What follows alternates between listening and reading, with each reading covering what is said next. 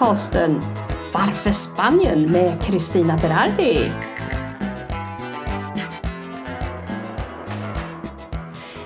Hej igen kära vänner! Det här är ju inte sant alltså. Idag är det torsdag och det är bara en vecka kvar till julafton. Och julafton det är ju den stora högtiden när vi alla vill träffas, eller hur? Åtminstone familjerna. Och det kanske inte blir så i år på grund av den uppkomna situationen med coronan. Eh, vi vet alltså inte vad är det som kommer att ske. Eh, får vi, eh, kom, kommer den här coronan att lägga sig? Får vi vaccinet? Eller hur är det med det där? Vad jag har förstått så är det nu på måndag den 21 december som eh, Eh, läkemedelsmyndigheten i Europa, EMA, kommer att fatta beslut om de godkänner det här vaccinet från Pfizer BioNTech. Och är det så, då förväntas vi, åtminstone här i Spanien, men jag tror också i Sverige, så kommer man att få det här vaccinet några dagar senare.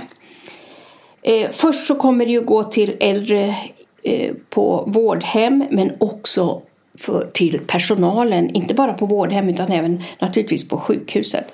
Så här i Spanien så räknar vi med att vi ska få, kunna få ta emot 2,5 miljoner eh, sådana här eh, injektioner då med virus.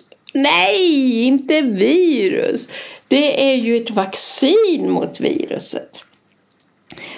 Och eh, sen kommer det väl att gå fort. Så man uppskattar med att under eh, första kvartalet så ska man ha kunnat vaccinerat 15 till 20 miljoner spanjorer.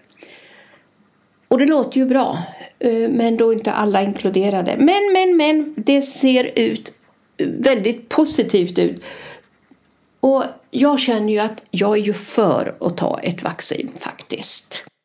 Jag tycker det känns jättebra. För om vi nu har vaccinerat 15-20 miljoner under första kvartalet och så tänker vi att det fortsätter lika många under kvartal två. Då har vi nästan vaccinerat hela den spanska befolkningen. Vi är nästan 50 miljoner här och det ser jag positivt på.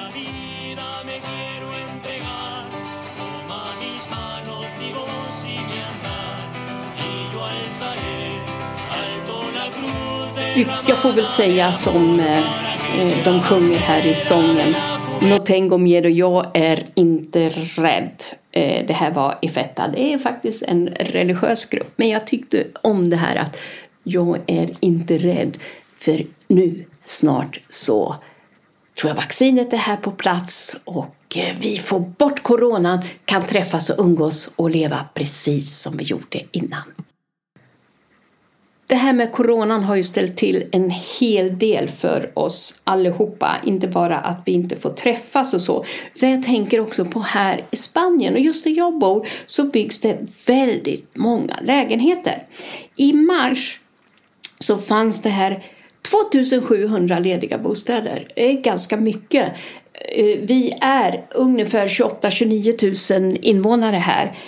Och med alla husen och alla människorna som kan bo här så kommer vi upp i ungefär en 78 80 000 bostäder. Men det var alltså 2700 lediga till försäljning i mars. Sen kom ju den här coronan och nu under den här tiden har de ju byggt ytterligare bostäder. Så nu är vi uppe i nästan 6 000 bostäder. Många är nya, men det finns också en hel del människor som vill sälja. En del vill sälja för att flytta tillbaka till sitt hemland eller en del vill sälja för de vill köpa en ny bostad. Man vill köpa kanske en större eller man vill ha ett hus med en pool eller någonting. För att priserna har faktiskt gått ner de har gått ner en hel del. En del säger att de har gått ner 30 procent, en del säger att de har bara gått ner ett fåtal procentenheter. Eh, jag vet inte riktigt, men hur som haver så är det faktiskt många bostäder till salu nu. Och är du intresserad av en bostad, då har du chansen att köpa en nu till väldigt lågt pris. Och nu när vi kommer in på det här att eh, köpa bostäder så kan man ju säga så här Ska man vara mm, resident eller ska man ha en sommarbostad här?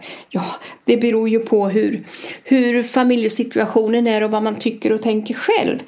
Eh, många köper en bostad och så kommer de hit, eh, tillbringar några veckor, kanske över jul och nyår eller eh, på våren, påsken, hösten, höstloven, en del kanske till och med är här på sommaren. Och då får man naturligtvis vikta in hur, hur trevligt och bra man tycker det är. Och sen när man ska sälja bostaden, det är många saker man ska tänka på.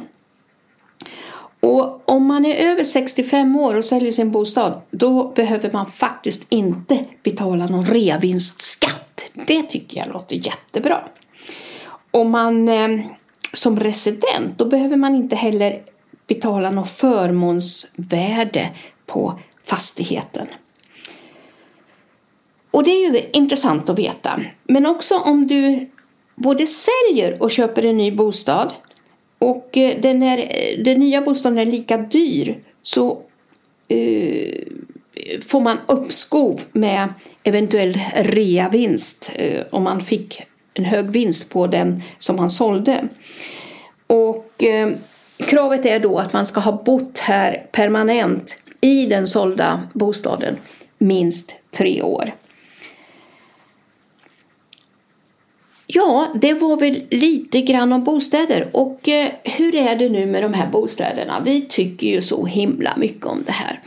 Eh, det vill säga, vart vill jag bo? Och då ser man ju många gånger folk säger så här, ja men vart är bästa platsen? Och naturligtvis de allra flesta tycker jag bor på bästa platsen. Jag tror man ska sätta upp en sån här liten checklista till sig själv. Vad anser man är viktigt? Ska man bo i en bostad eller vill man ha ett radhus eller vill man ha ett eget hus? Vill man bo nära havet eller en bit in eller ännu längre in i landet? Då är det ju billigare. Ju längre in i landet ju billigare blir det. Ju mer får du för pengarna. Eh, vill du ha egen pool eller räcker det om, om eh, urbanisationen eh, kan ha en pool? Ska det vara uppvärmd pool? Ska du ha söderläge, öster-västläge? Hur många sovrum? Behöver du ha? Vill du bo på bottenplan och bara kunna rulla in så att säga? Eller vill du bo på en våning upp?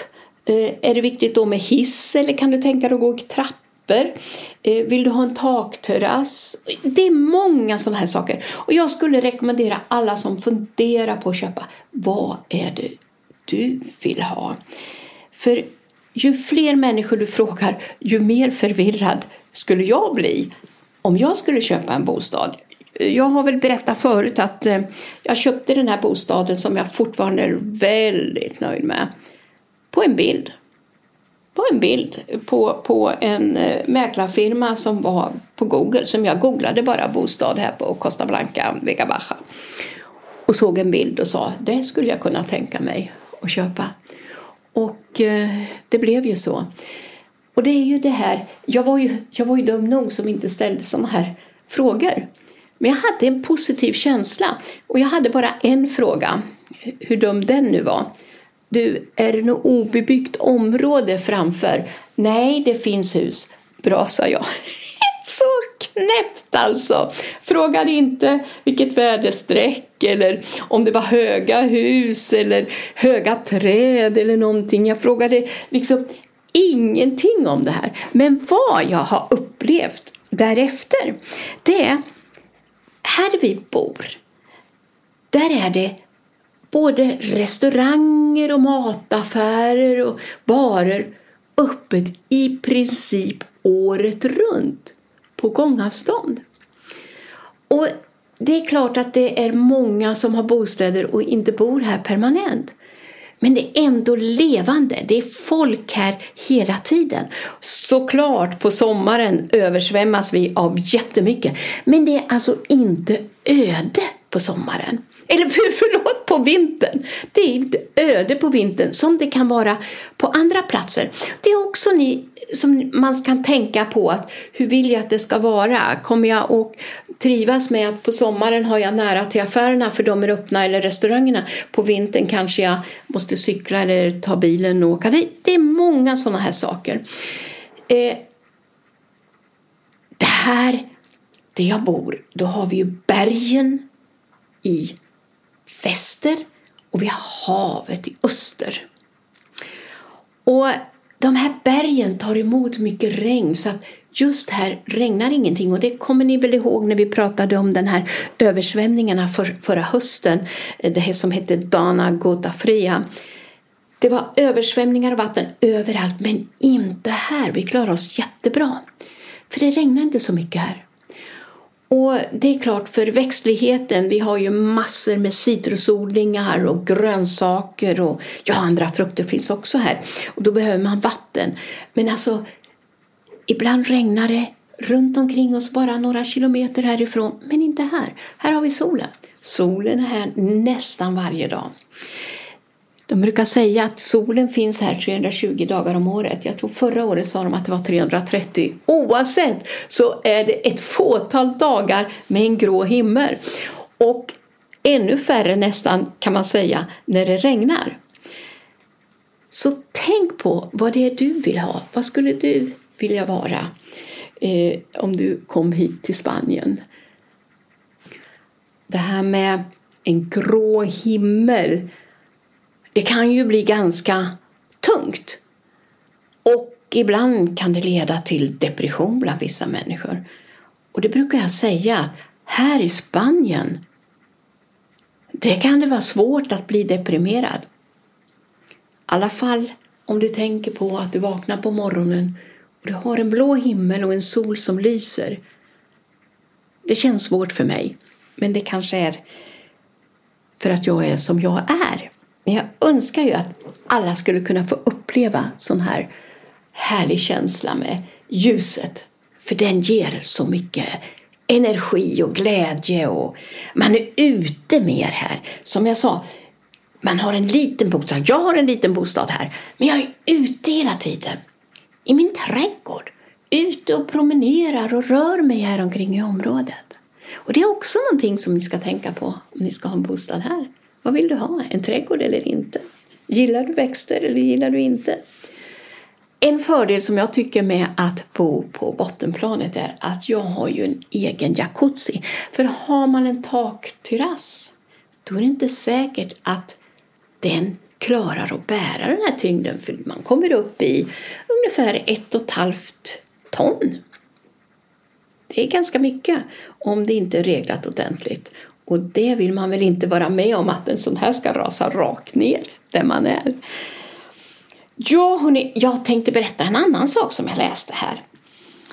Eh, förmodligen kommer det att bli några nya trafikregler eh, men det kommer inte att träda kraft förrän om ett par år. Och det är det här med att man har ju varningstrianglar om det händer någonting ute i trafiken så ska man ju placera en varningstriangel en bit ifrån bilen, eller hur? Så den blir synlig. Det visar sig här i Spanien att det är många personer som faktiskt blir skadade för de blir påkörda av andra bilar som inte upptäcker att de går där med en varningstriangel. Och det är ju väldigt olyckligt om så skulle ske. Så nu har de sagt så här att vi vill att nu ska det bli en ny slags varningstrianglar som man ska sätta på taket, på biltaket. Och det ska finnas någon slags ljussignal också så att den syns på långt håll. Och på så sätt så räknar man med att slippa de här onödiga eh, personskadorna men även dödsfallen som faktiskt har skett. Så det här kommer vi att bli intressant att se om det gäller inom hela Europa eller eh, bara Spanien. Jag vet inte. Det står ingenting om att läsa om det är ett EU-direktiv eller inte. Men det låter jättebra tycker jag.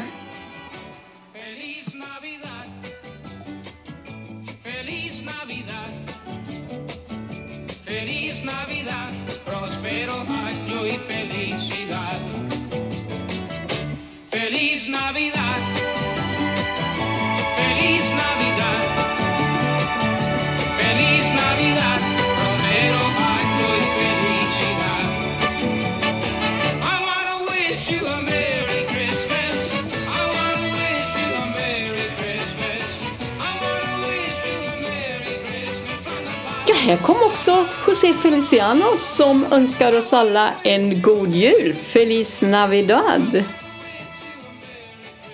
Jag vill också passa på att önska er alla en riktigt god jul. Och för er nu som ska ut på vägarna, om ni nu får eh, åka och träffa familj, släkt eller vänner eller vad ni nu har, så ber jag er att ta det extra försiktigt nu i norra delarna av Europa, för det kan ju vara halt. Här får vi hålla oss eh, till tåls med solglasögon när vi är ute och åker. Men ta hand om er. Jag önskar er alla en riktigt god jul. Och sen får vi se när jag kommer tillbaka om det är med ett avsnitt nästa vecka eller inte.